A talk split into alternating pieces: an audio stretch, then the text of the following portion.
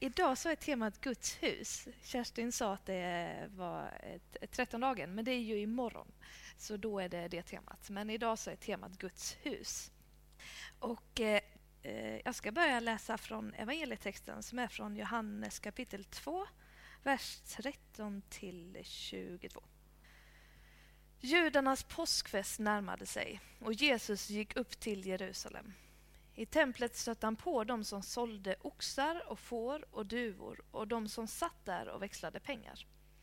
Han gjorde en piska av repstumpar och drev ut allesammans ur templet med deras får och oxar. Han slog ut växlarnas pengar och välte omkull deras bord. Och till dem som sålde duvor sa han, bort med allt det här. Gör inte min faders hus till en saluhall. Och hans lärjungar kom ihåg att det står skrivet Lidelsen för ditt hus ska förtära mig.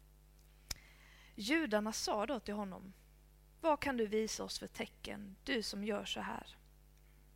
Jesus svarade Riv ner detta tempel så ska jag låta det uppstå igen på tre dagar. Judarna sa I 46 år har man byggt på det här templet och du ska låta det uppstå igen på tre dagar. Men det tempel han talade om var hans kropp.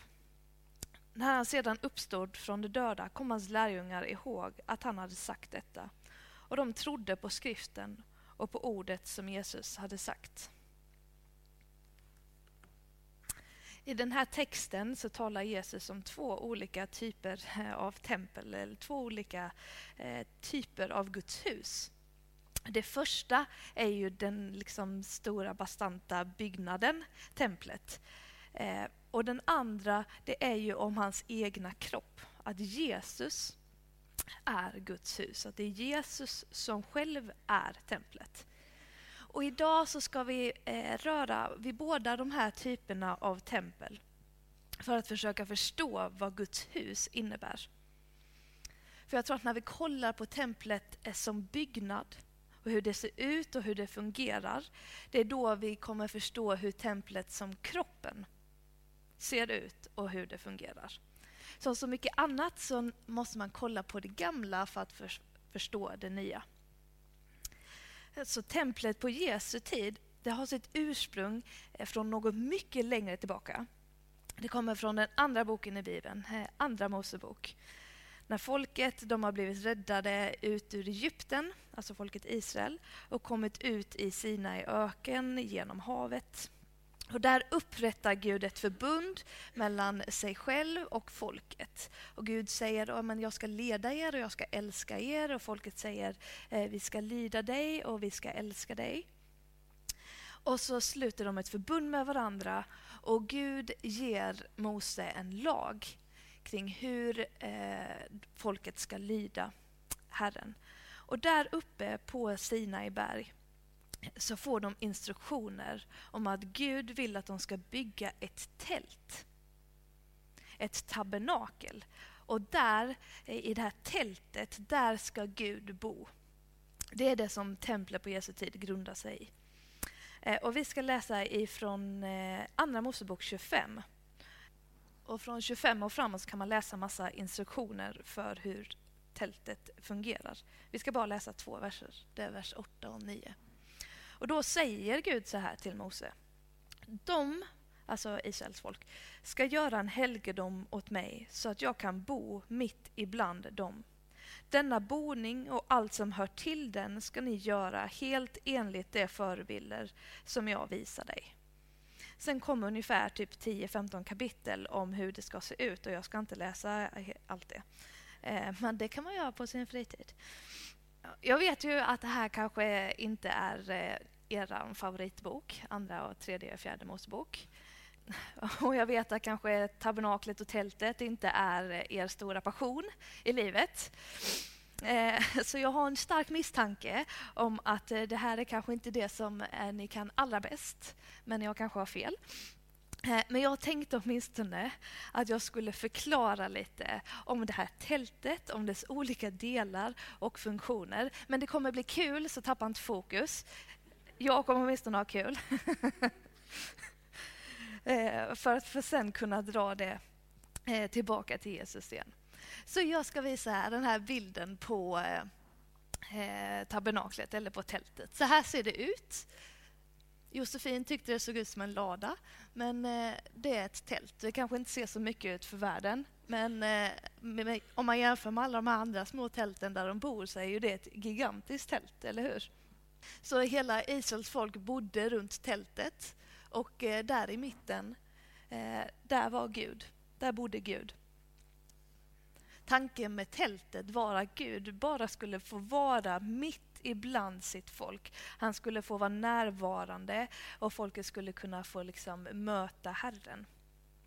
Och det står så i Bibeln att när det här molnet, den här molnrökgrejen, när den var där över tältet, då, så skulle, då var Herrens närvaro där inne.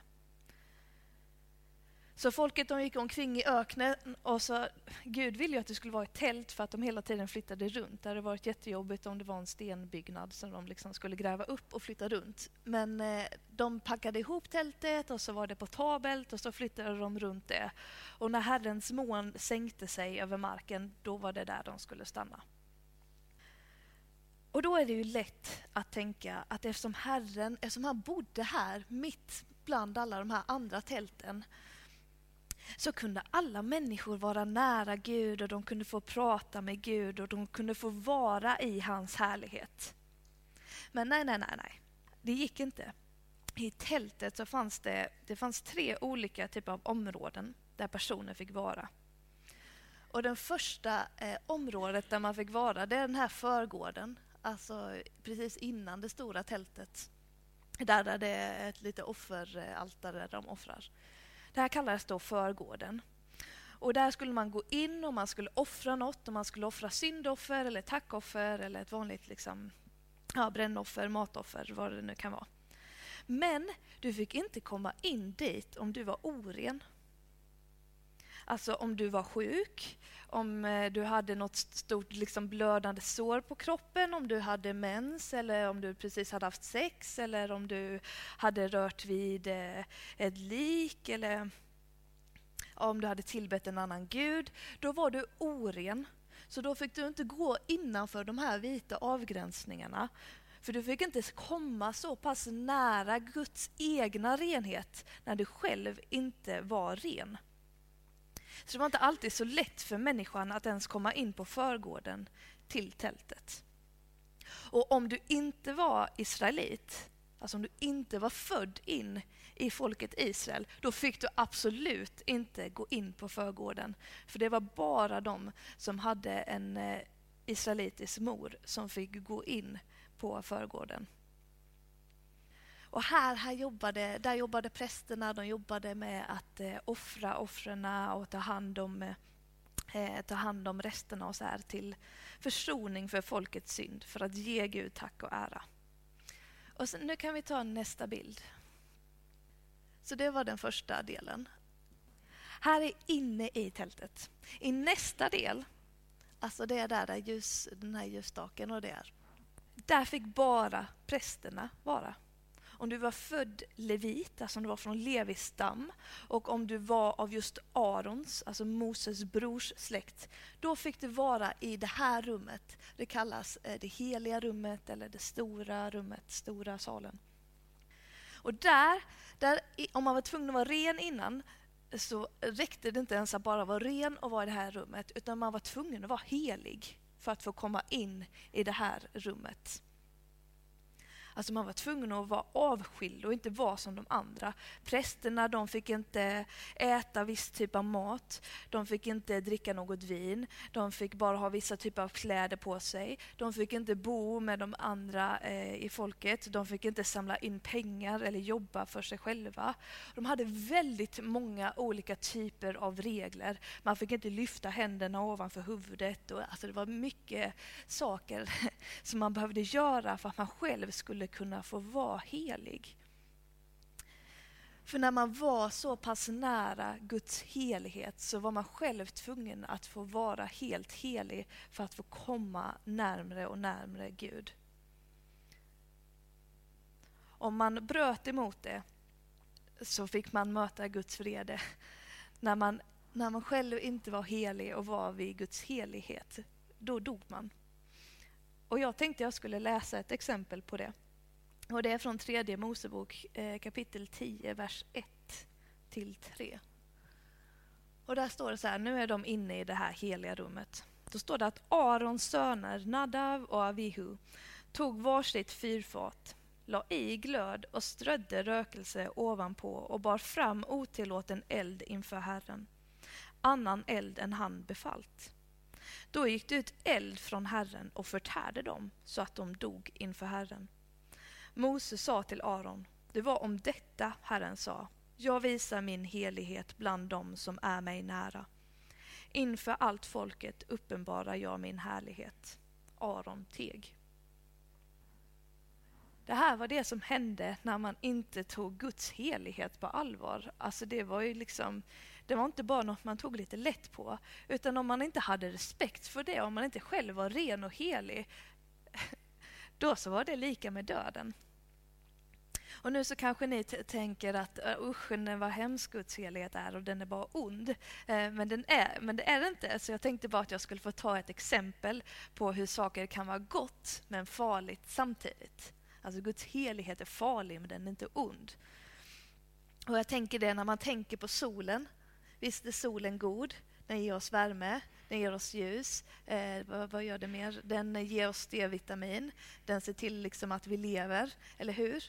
Men om ni skulle åka en rymdraket till solen, vad händer då? Äh, man, man dör snabbt, för det är så varmt och kanske ljust, jag vet inte. Eh, jag har inte varit där. Men eh, solen är ju någonting gott, men det är också någonting som är farligt. Eller när det är för tunt ozonlager så blir det ju också farligt med för mycket sol. Och så är det också med Guds helighet. Guds helighet är någonting gott, men det är också någonting farligt som man måste vara försiktig med. Och när prästerna inte tog Guds helighet på allvar och inte följde hans lagar, då dödades de av Gud. Att inte själv vara helig i närheten av Gud är lika med döden. I den sista delen Eh, den är liksom längst bort, där det lyser lite extra. Eh, den kallades för det allra heligaste. Och det var, liksom inte, det var inte bara lite heligt, utan här var det mycket heligt. Så det här kallas för högheligt, då är det liksom seriöst heligt. Och det var där som Herren var.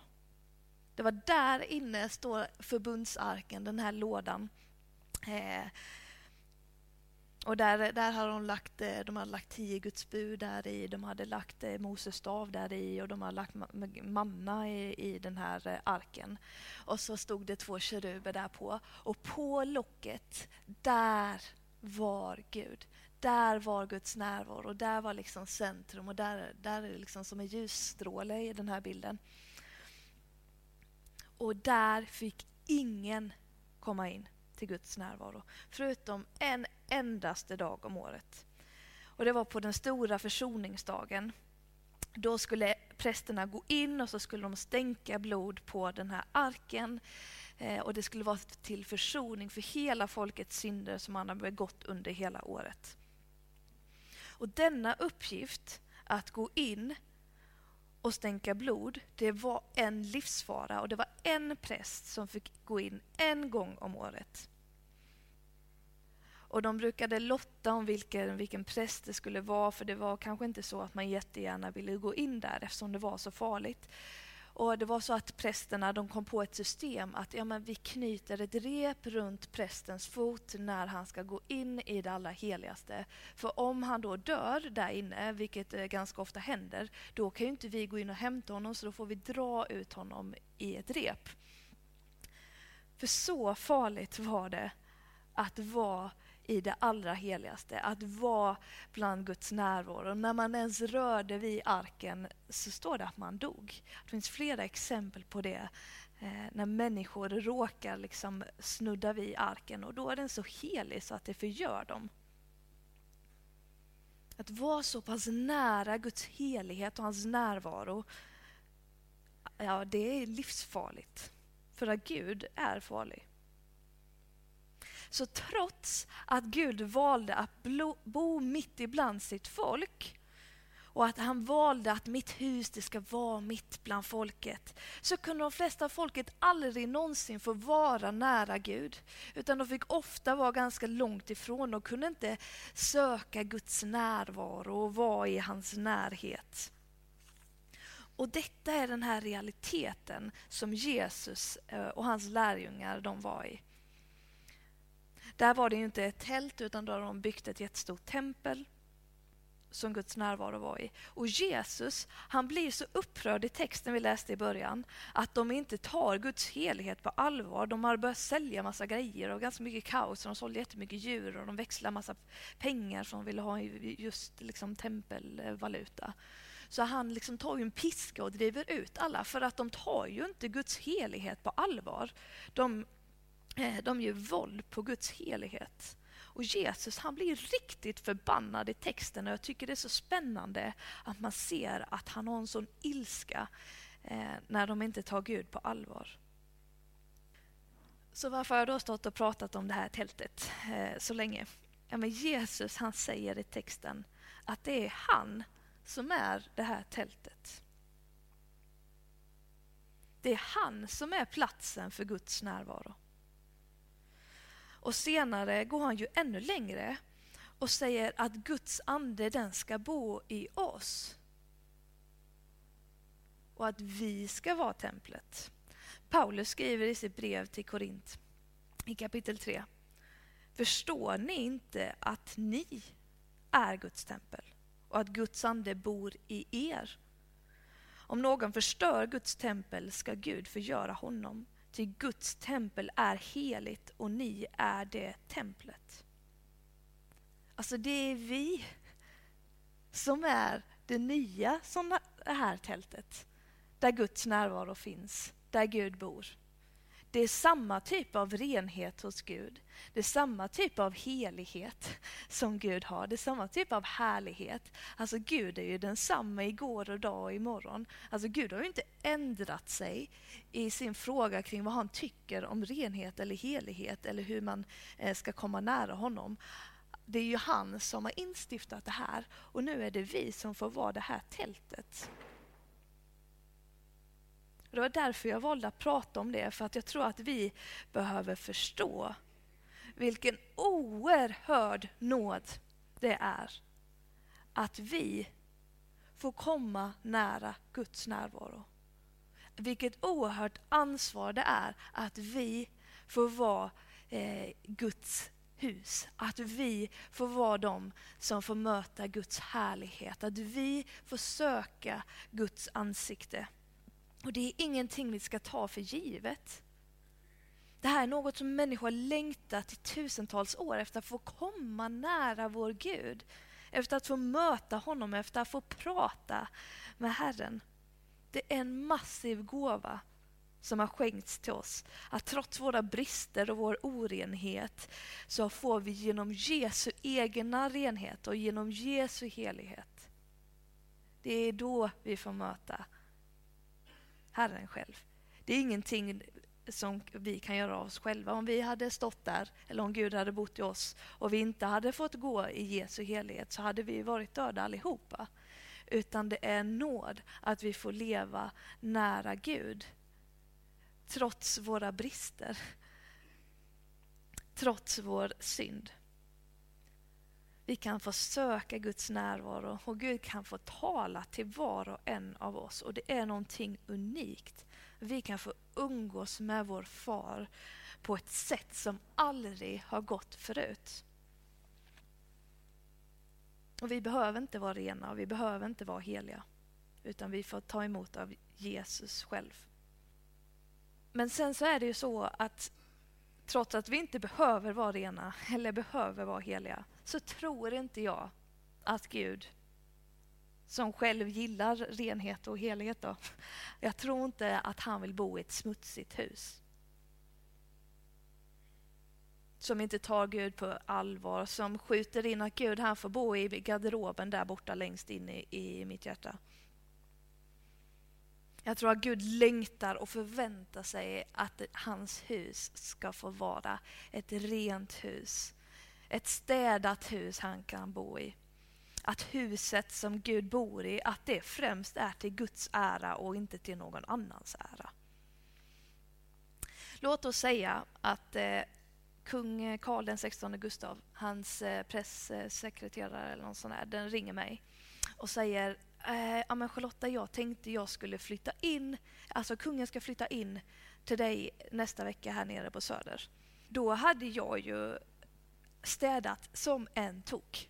Och jag hade forskat på okay, vad gillar kungen. Kungen han gillar, han gillar bilar, jag kanske ska sätta upp tavlor på bilar. Eller han gillar jakt och oh, men, oh, vad gillar han för musik, vad gillar han att äta? Och jag hade fixat och oroat mig och sett till att nu ska det vara rent och fint för nu ska kungen bo hos mig. Och det har typ varit det största som hänt i mitt liv. Att kungen ska flytta in hos mig